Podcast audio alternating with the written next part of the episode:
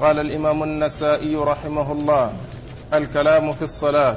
وقال أخبرنا إسماعيل بن مسعود قال حدثنا يحيى بن سعيد قال حدثنا إسماعيل بن أبي خالد قال حدثني الحارث بن شبيل عن أبي عمرو الشيباني عن زيد بن أرقم رضي الله عنه أنه قال كان الرجل يكلم صاحبه في الصلاة بالحاجة على عهد رسول الله صلى الله عليه وسلم حتى نزلت هذه الآية. حافظوا على الصلوات والصلاة الوسطى وقوموا لله قانتين. فأمرنا بالسكوت. بسم الله الرحمن الرحيم. الحمد لله رب العالمين وصلى الله وسلم وبارك على عبده ورسوله نبينا محمد وعلى آله وأصحابه أجمعين. أما بعد فالباب هو باب الكلام في الصلاة. وقد مر فيه بعض الأحاديث في الدرس الماضي وبقي فيه بعض الأحاديث ومنها هذا الحديث الذي هو حديث زيد بن أرقم رضي الله تعالى عنه أنه قال كنا آه، نكلم آه، كان الرجل يكلم صاحبه صاحبه في الصلاة بالحاجة حتى نزل قول الله عز وجل حافظوا على الصلوات والصلاة الوسطى وقوموا لله قانتين فأمرنا بالسكوت. وفي بعض الروايات ونهينا عن الكلام. والحديث دال على أن الكلام في الصلاة كان في أول الأمر سائغا وأن الواحد يحدث صاحبه في الصلاة بحاجته وكذلك يسلم يسلم الواحد فيرد عليه السلام وهو في الصلاة. ثم بعد ذلك نسخ كما جاء مبينا في هذا الحديث حديث زيد بن أرقم رضي الله عنه. والحاصل أن الكلام في الصلاة كالكلام في الطواف. في ألو... يعني الآن. الطواف يعني كما هو معلوم الحكم فيه مستقر بأن الإنسان يكلم صاحبه في الصلاة في الطواف. يكلم صاحبه في الطواف بالحاجة لا مانع من الكلام في الطواف.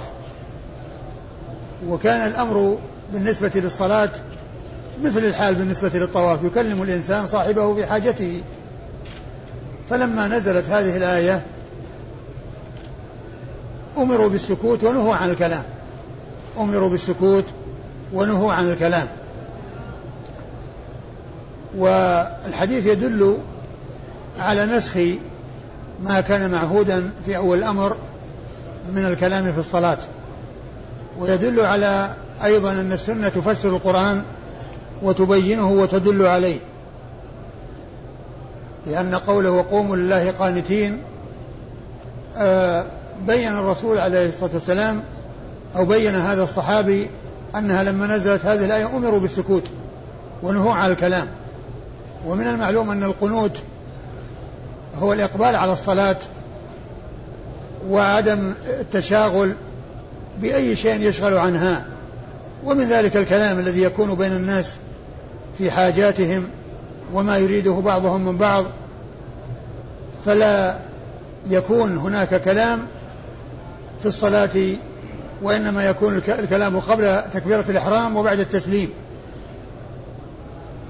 ولهذا يعرفون الصلاة بأنها أقوال وأفعال مبتدأة بالتكبير مختتمة بالتسليم. مبتدأة بالتكبير مختتمة بالتسليم والتكبير هو تكبيرة الإحرام. فهو يحرم على الإنسان بعدها ما كان حلالا له قبلها. ومن ذلك الكلام. وكان الأمر وكان الكلام في أول الأمر سائغا ثم نسخ كما جاء مبينا في هذا الحديث وغيره من الأحاديث التي ستأتي وهي واضحة الدلالة على كون الكلام سائغا أولا ثم إنه نسخ آه، في الآخر في آخر الأمر. وأما إسناد الحديث فيقول النسائي أخبرنا إسماعيل بن مسعود وهو البصري. وهو ثقة أخرج حديثه النسائي وحده وهو يكنى بأبي مسعود يكنى بأبي مسعود فكنيته توافق اسم أبيه هو أبو مسعود وهو إسماعيل بن مسعود. ولهذا نظائر كثيرة سبق أن مر ذكر أمثلة منها مثل أبو أسامة حماد بن أسامة ومثل عبد الرحمن الأوزاعي عبد الرحمن بن عمرو أبو عمرو ومثل آآ آآ آآ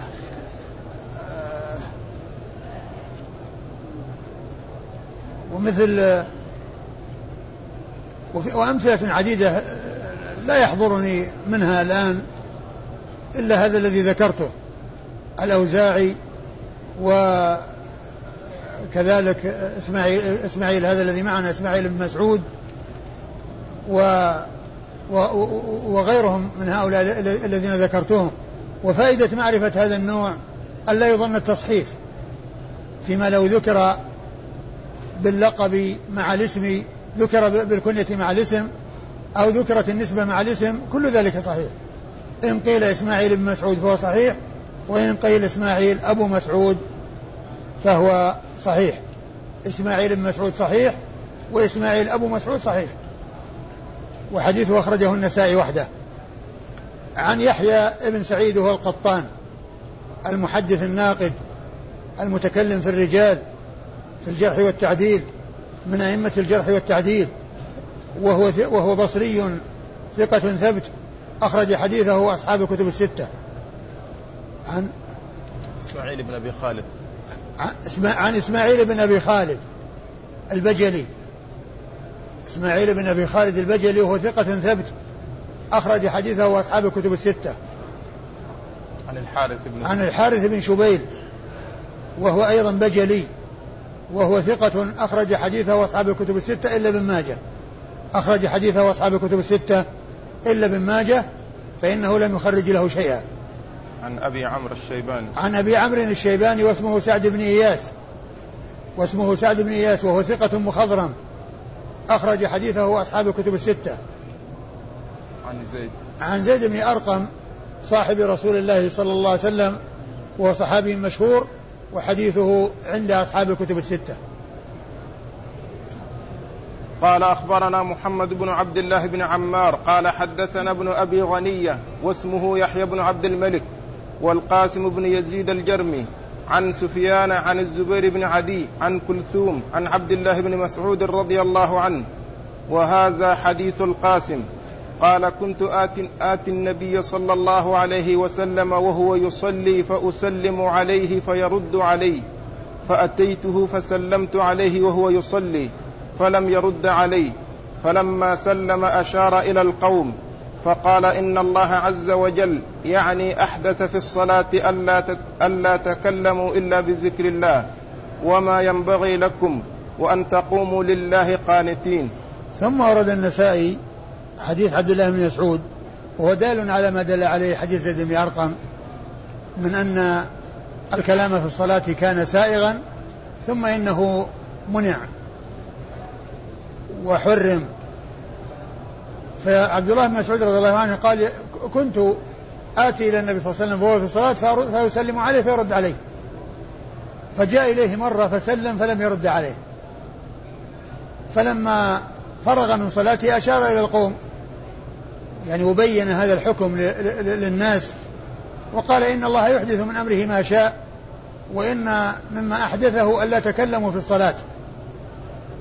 و, و, و, و, و قال ألا تكلموا إلا بذكر الله. لا لا تكلموا إلا بذكر الله و و وما ينبغي لكم. وما ينبغي لكم. يعني وما ينبغي لكم أن تتكلموا به. التي هو ذكر الله والتسبيح والتكبير وقراءة القرآن وما إلى ذلك من الأمور السائغة. وأن تقوموا لله قانتين مقبلين على صلاتكم لا تتشاغلون عنها بأي شاغل. ومن ذلك ما يكون من بعضهم لبعض ما يكون من بعضهم من الحديث لبعض في الحوائج وفي السلام وغير ذلك. فإن الكلام منع منه في الصلاة إلا الكلام الذي هو من أعمال الصلاة كقراءة القرآن والتسبيح والتحميد وذكر الله عز وجل والدعاء والاستغفار وما إلى ذلك من الأمور المشروعة التي يؤتى بها في الصلاة. هذا هو الكلام الذي هو سائر. وأما الكلام الذي هو خطاب أو تخاطب بين الناس أو تحدث بين الناس في حاجاتهم وأمورهم الخاصة أو السلام يسلم بعضهم على بعض أو يشمت بعضهم إذا عطس كل هذا لا يجوز في الصلاة. وقد منع منه في آخر الأمر. وقد مر بنا حديث معاوية بن الحكم السلمي رضي الله عنه الذي شمت فيه رجلا ف آه، نظر إليه الصحابة رضي الله عنهم وأرضاهم ولما وتكلم في الصلاة قال ما بالكم؟ تنظرون إلي. ولما فرغ رسول الله صلى الله عليه وسلم دعاه وكلمه وقال إن صلاتنا هذه لا يصلح شيء فيها شيء من كلام الناس. إنما هو التسبيح والتحميد وقراءة القرآن وذكر الله عز وجل.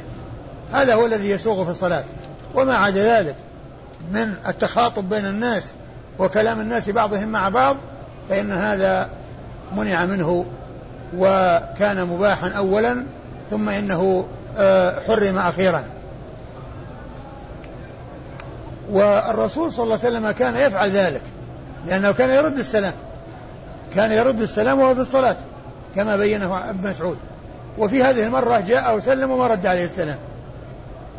ثم إن النبي صلى الله عليه وسلم بين السبب في كونه ما رد السلام وهو أن الله تعالى مما أحدثه يعني الحكم الذي شرعه والأمر الذي آه، نزل به الوحي على رسول الله عليه الصلاة والسلام أخيرا هو أن لا يتكلم في الصلاة وإنما يتك... إلا فيما هو ذكر لله عز وجل وقراءة القرآن. تعيد المتن.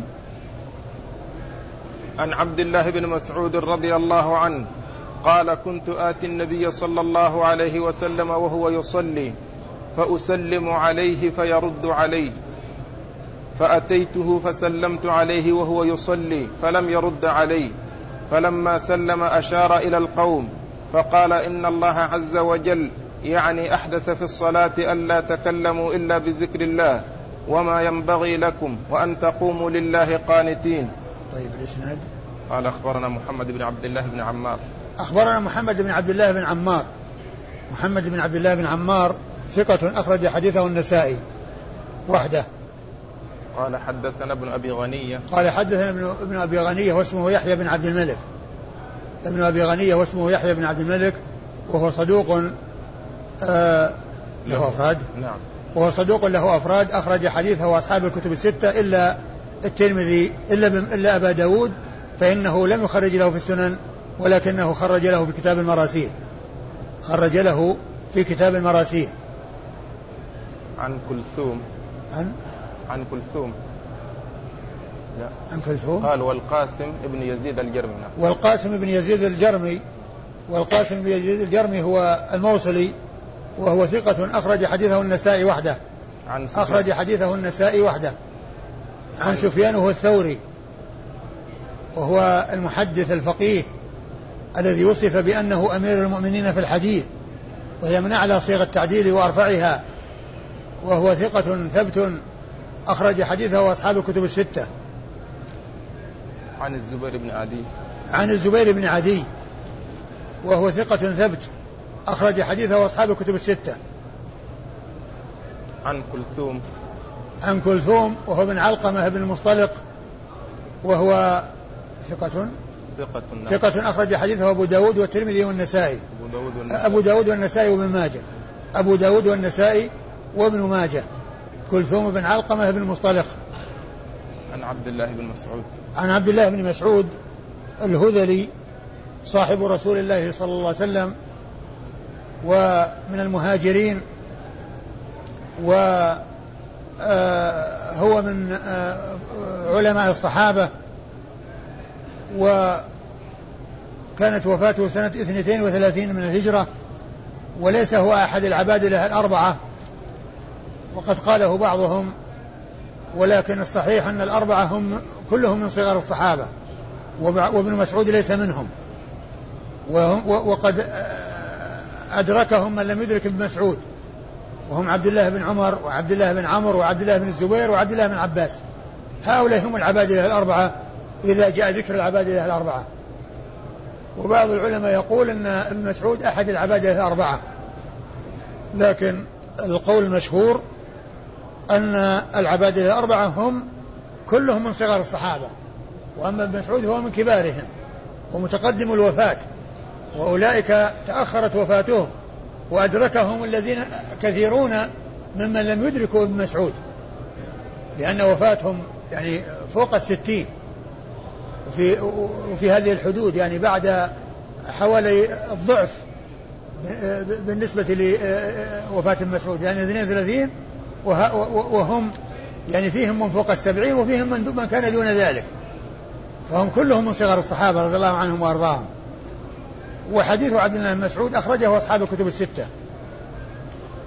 قال أخبرنا الحسين بن حريث قال حدثنا سفيان عن عاصم عن أبي وائل عن ابن مسعود رضي الله عنه أنه قال كنا نسلم على النبي صلى الله عليه وسلم فيرد علينا السلام حتى قدمنا من أرض الحبشة فسلمت عليه فلم يرد علي فأخذني ما قرب وما بعد فجلست حتى إذا قضى الصلاة قال إن الله عز وجل يحدث من أمره ما يشاء وإنه قد أحدث من أمره ألا يتكلم في الصلاة.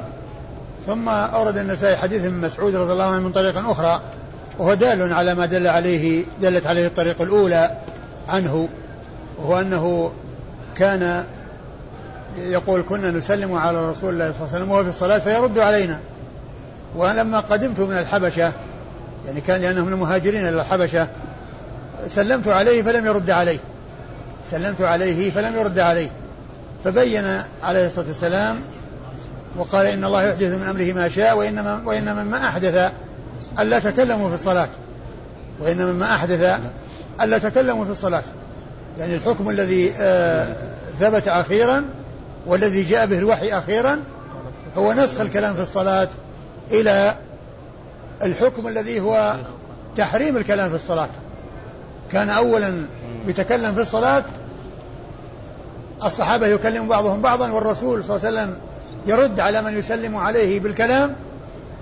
وبعد ذلك مما أحدثه الله أي الحكم الذي شرعه الله وجاء به الوحي أخيرا أن منع من الكلام في الصلاة وألا يتكلم إلا في ذكر الله عز وجل وما وقراءة القرآن وما إلى ذلك.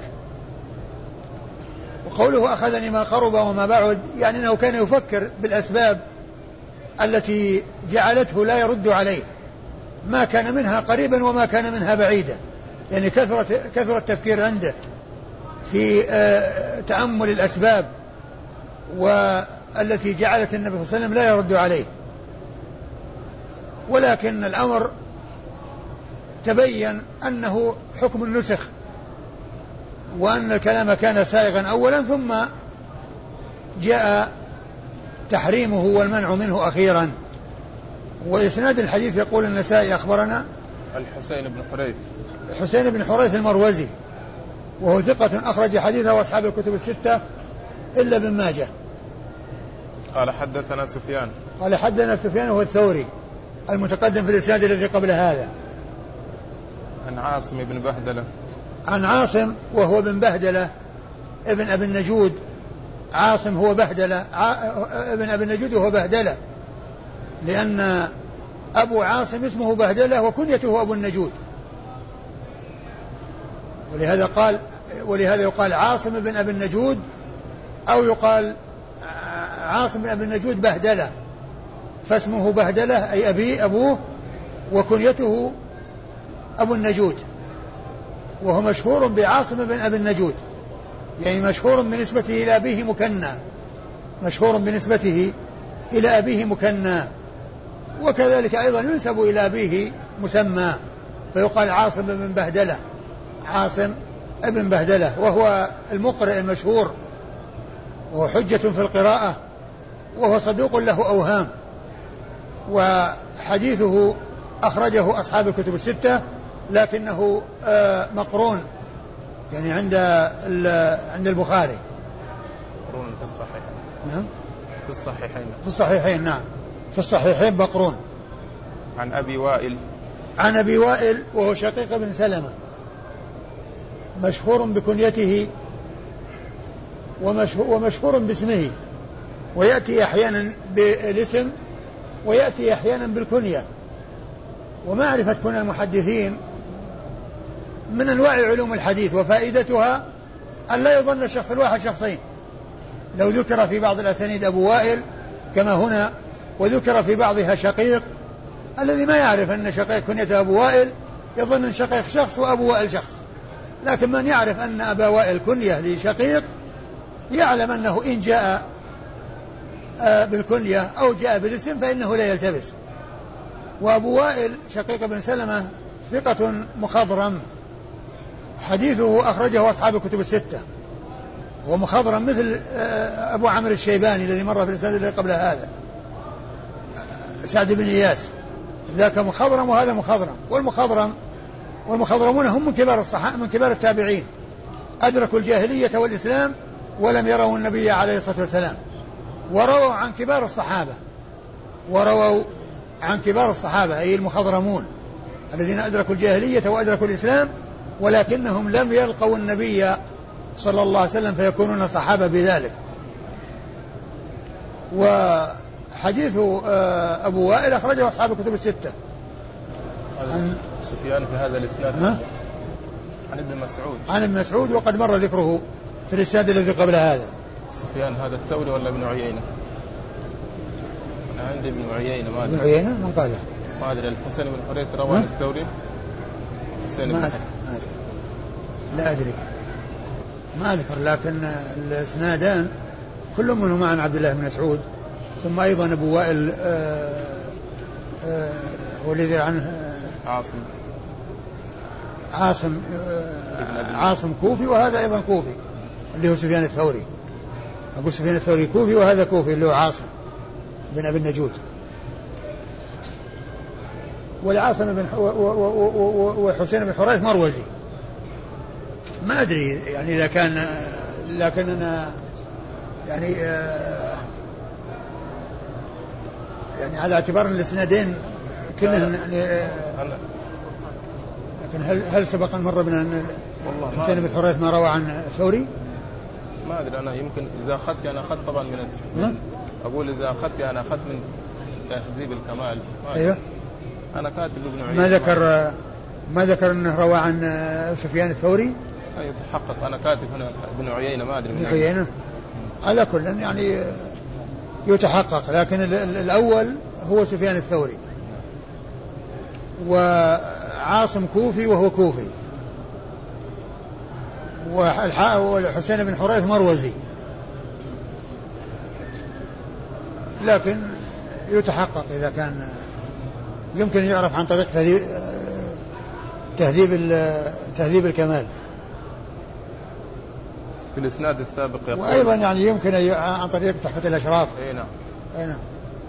في الإسناد السابق يقول وهذا حديث القاسم تركنا. نعم وهذا حديث القاسم يعني آآ آه، آآ آه، آه، شيخ وشيخ النسائي لأن النسائي إيش اسم شيخه؟ روى عن محمد بن عبد الله بن عمار. محمد بن عبد الله بن عمار. روى عن شيخين محمد بن عبد الله بن عمار. أحدهما ابو ابن أبي غنية يحيى بن عبد الملك والثاني القاسم.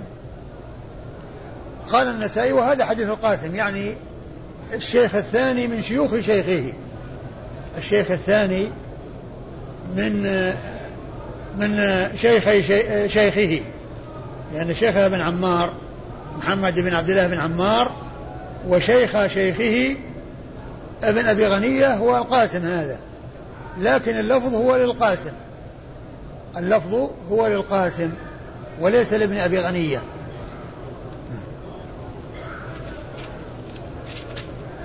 قال ما يفعل من قام من اثنتين ناسيا ولم يتشهد.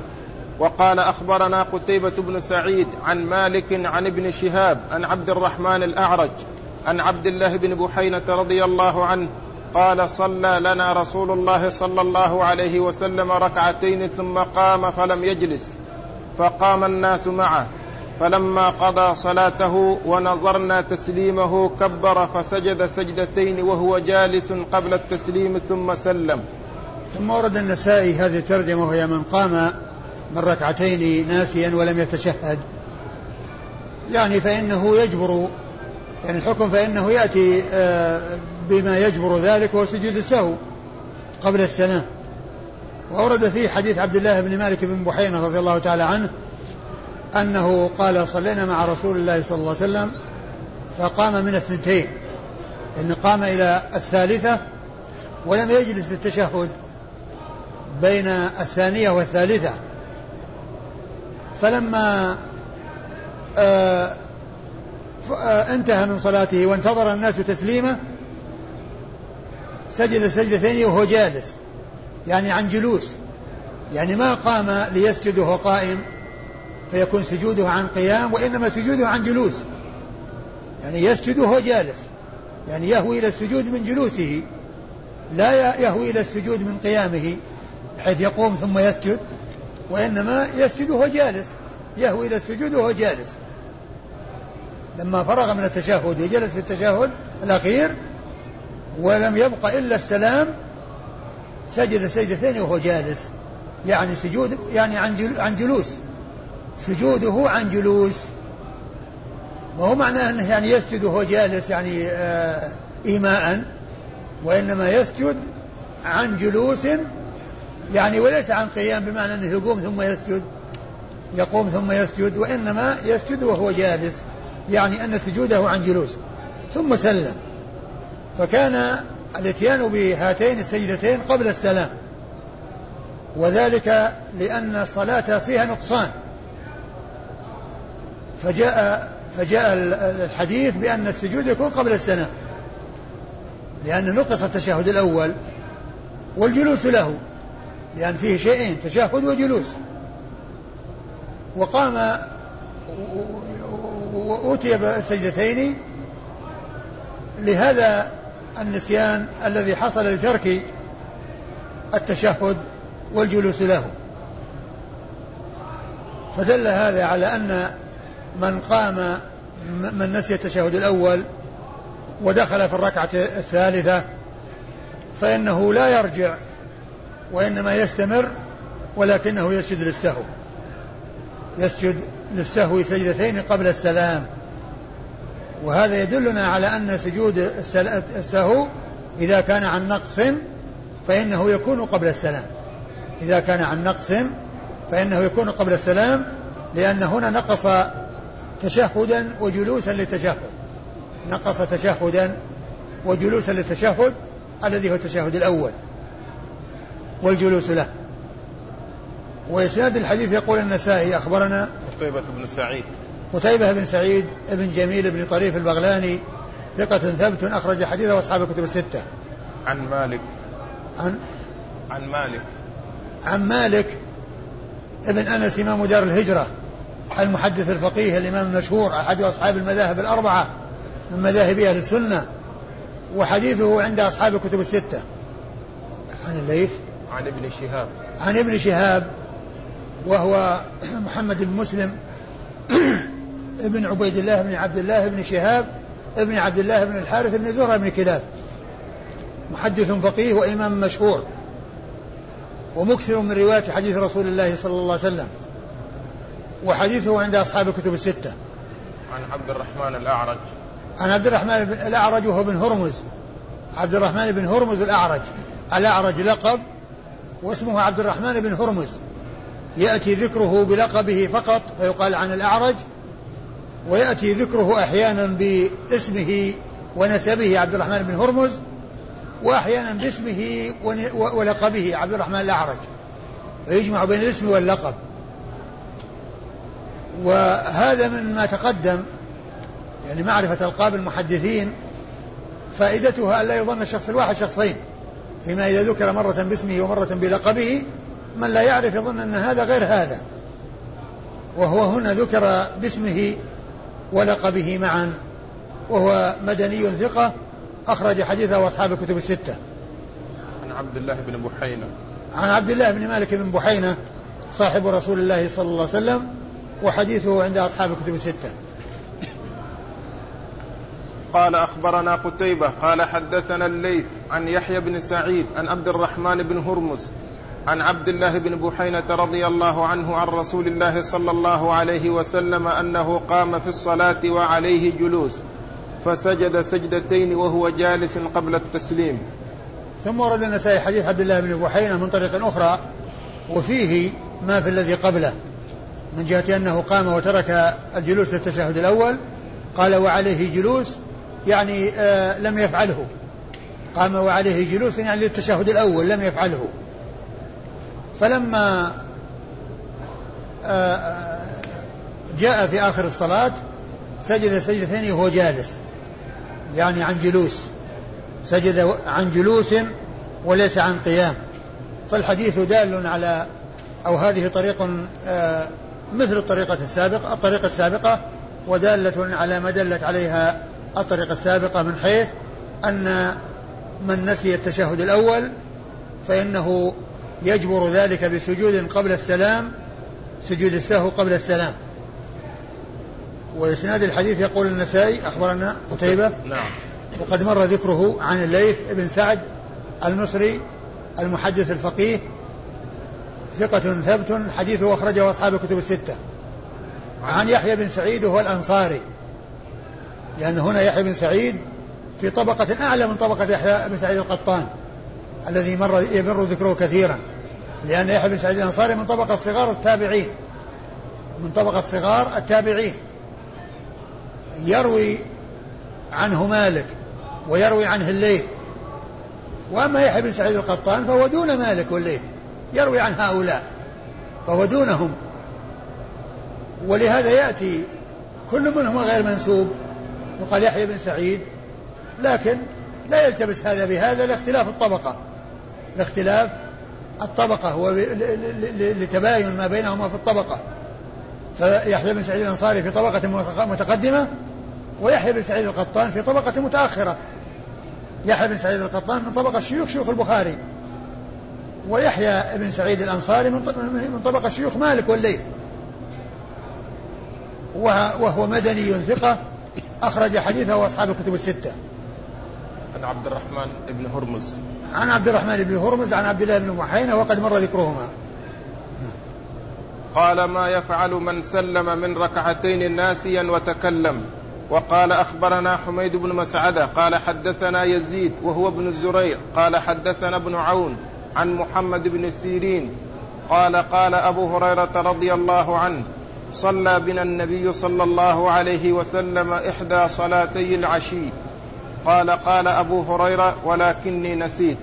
قال فصلى بنا ركعتين ثم سلم فانطلق إلى خشبة معروضة في المسجد فقال بيده عليها كأنه غضبان وخرجت السرعان من أبواب المسجد فقالوا قصرت الصلاة وفي القوم أبو بكر وعمر رضي الله عنهما فهاباه أن يكلماه وفي القوم رجل في يديه طول قال كان يسمى ذا اليدين. فقال يا رسول الله أنسيت أم قصرت الصلاة؟ قال لم أنس ولم تقصر الصلاة. قال وقال اكما قال ذو اليدين؟ قالوا نعم. فجاء فصلى الذي كان تركه ثم سلم ثم كبر فسجد مثل سجوده أو أطول ثم رفع رأسه وكبر ثم كبر ثم سجد ثم سجد مثل سجوده أو أطول. ثم رفع رأسه ثم كبر. ثم ورد النسائي هذه الترجمة وهي باب من وهي من من من سلم من اثنتين ناسيا وتكلم. من سلم من اثنتين يعني في الصلاة الرباعية أو الثلاثية لأن صلى ركعتين وسلم وتكلم وجرى كلام بعد السلام. ثم بعد ذلك تبين بأنه قد نقص من صلاته فإنه يكمل ويبني. على ما سبق ولا يؤثر ذلك الكلام الذي حصل قبل ذلك الذي حصل في أثناء لأنه حصل لأن ذلك الكلام حصل في وقت آه، يعتبرونه سائغا لهم وأنهم ما تكلموا في الصلاة وكلامهم إنما هو لمصلحة الصلاة.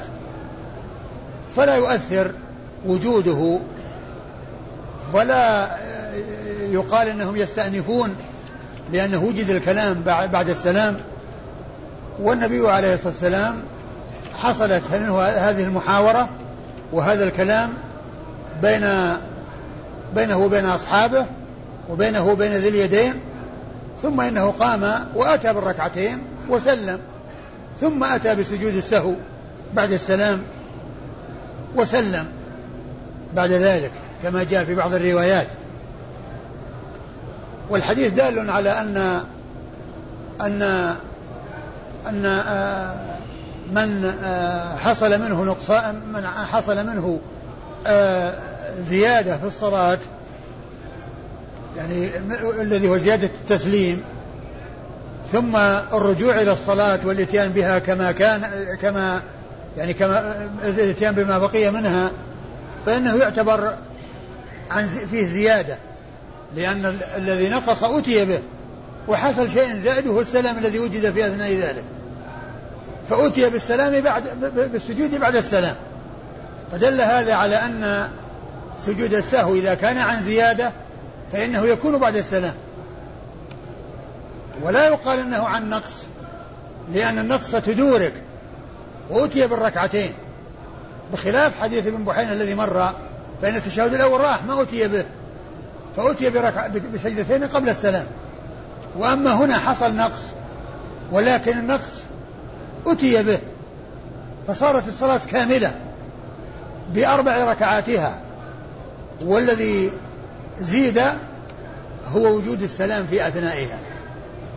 فهو شيء زائد فجاء الحكم بأن السجود أي سجود السهو يكون بعد السلام. يكون بعد السلام. تعيد الحديث من أوله. نعم. المتن عن محمد بن سيرين قال قال أبو هريرة رضي الله عنه صلى بنا النبي صلى الله عليه وسلم إحدى صلاتي العشي. إحدى صلاتي العشي هي الظهر والعصر. الظهر والعصر. هذا هو العشي. يعني من الزوال إلى الغروب وصلاة الظهر وصلاة العصر هي في العشي. قال أبو هريرة ونسيت. يعني نسي إحدى الصلاتين هل هي العصر ولا الظهر؟ هي, هي بلا شك عنده الظهر أو العصر ولكنه نسي تعيين إحدى الصلاتين هل هي صلاة الظهر أو صلاة العصر. لكن الشيء الذي لا إشكال فيه عنده أنها, أنها إحدى صلاتي العشي.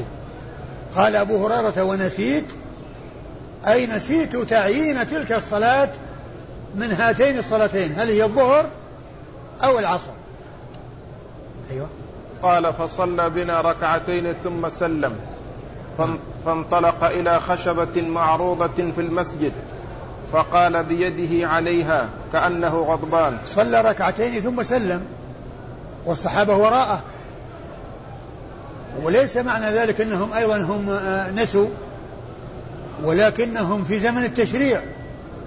فظنوا أن الصلاة قصرت بدل ما تكون الصلاة أربع صارت اثنتين.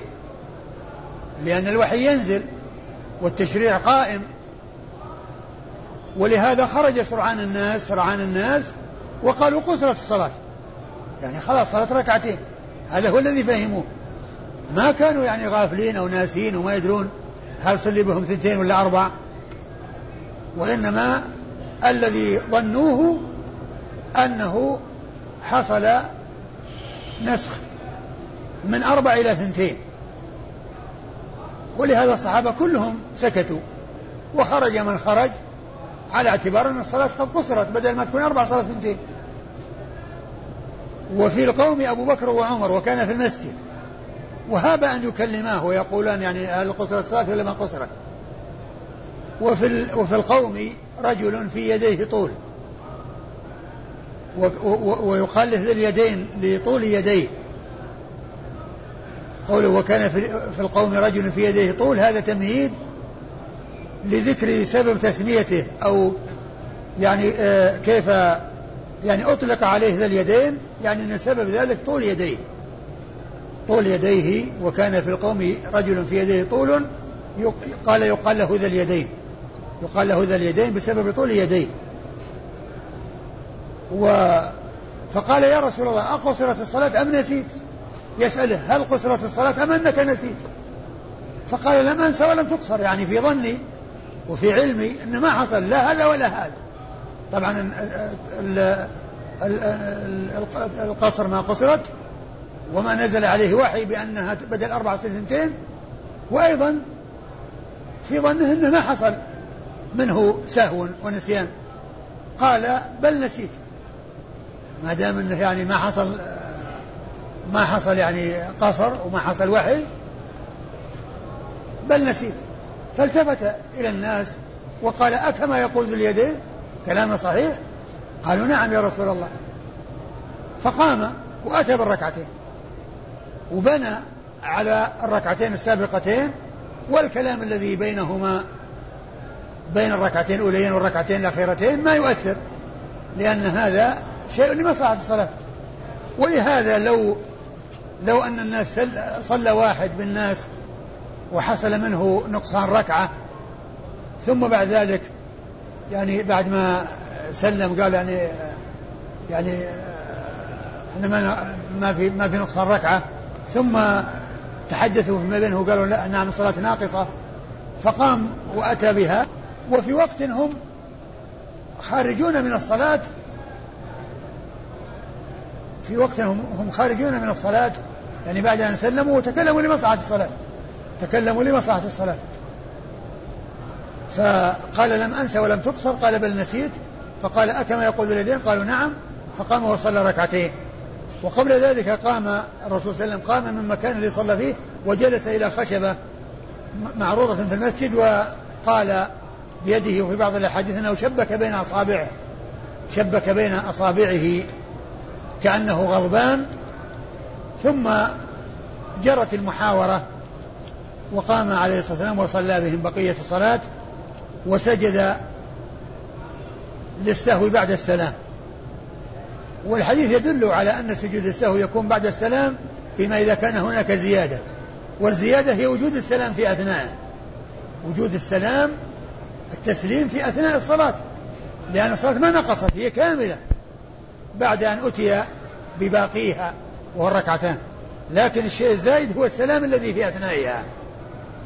فكان السجود للسهو بعد السلام. والحديث يدل أيضا على أن مقدار سجود السهو مثل سجود الصلاة أو أطول لأنه قال في الحديث سجد مثل سجوده أو أطول. يعني سجوده في الصلاة أو أطول. فهذا يدلنا على مقدار سجود السهو وأنه يعني يكون مثل سجود الصلاة أو أطول منه. وهنا ما ذكر السلام بعد سجود السهو مرة ثانية لكن جاء في بعض الروايات من حديث أبي هريرة من ومن حديث من من من حديث عمران بن حصين أنه كان أن ذلك كان من حديث عمران بن حصين أنه سلم. يعني بعدما سجد للسهو بعد السلام سلم أيضا. يكون السلام حصل مرتين. مرة قبل سجود السهو ومرة بعد سجود السهو. أخبرنا حميد بن مسعدة. أخبرنا حميد بن مسعدة. حميد بن مسعدة صدوق أخرج له مسلم وأصحاب السنن الأربعة. قال حدثنا يزيد وهو ابن زريع. قال حدثنا يزيد وهو ابن زريع وهو ثقة ثبت. أخرج حديثه أصحاب الكتب الستة وكلمة هو بن زريع الذي قالها النسائي أو من دون النسائي وليس حميد بن مسعدة الذي هو تلميذ يزيد بن زريع. وحديثه أخرجه أصحاب الكتب الستة. قال حدثنا ابن عون. قال حدثنا ابن عون وهو عبد الله. عبد الله بن عون وهو ثقة ثبت أخرج حديثه أصحاب الكتب الستة. عن محمد بن سيرين. عن محمد بن سيرين وهو ثقة أخرج حديثه أصحاب الكتب الستة أيضا. عن أبي هريرة. عن أبي هريرة رضي الله عنه وقد مر ذكره. وهو عبد الرحمن بن صخر. ما مر ذكره لا. هذا اليوم. لا. وهو عبد الرحمن بن صخر صاحب رسول الله صلى الله, صلى الله عليه وسلم وأكثر الصحابة على الإطلاق حديثا. والسبعة الذين عرفوا بكثرة الحديث من الصحابة أكثرهم أبو هريرة رضي الله عنه. والله تعالى أعلم وصلى الله وسلم وبارك على عبده ورسوله نبينا محمد وعلى آله وأصحابه أجمعين.